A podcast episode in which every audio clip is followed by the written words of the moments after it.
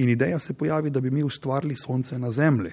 To je, da bi ustvarili sonce na Zemlji. V Soncu poteka zlivanje vodikovih jeder in v svetu potekajo eksperimenti, ki skušajo to ustvariti. In to je, če me vprašate, sveti gral jedrske tehnologije, kako ustvariti to sonce na Zemlji. Vse pa že v, na jugu Francije, v Provanci, gradi ITER, ki bo največji tokamak na svetu. To je en večjih znanstvenih projektov na svetu, tudi bolj kompleksnih. V njem združujejo moči Evropska unija, Združene države Amerike, Kanada, Kitajska, Rusija, Južna Koreja, Indija, skratka same svetovne vele sile, Japonska tudi. Ne. Uh, in ideja je, da bi zgradili fuzijski reaktor tokamak, ki bo proizvedel 500 MW moči. Pri tem bo 50 MW bomo nodali, to pomeni, da bomo za desetkrat ojačali to energijo, ki bomo nodali.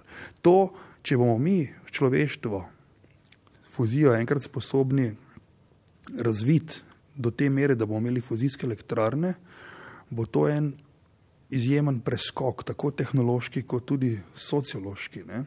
Ker dan danes večina, predvsej vojn poteka zaradi vojn, zaradi uh, borbe za energetske vire. Ne? In ko boste imeli enkrat fuzijo, tam so surovine, so praktično vodik, ki ga dobite v vodi. Ne? In ko bo enkrat to razvito, bo, jaz mislim, tudi svet se lahko bistveno spremenil. Se pravi, bo tudi poleg tehnoloških, bo tudi sociološke spremembe ogromne.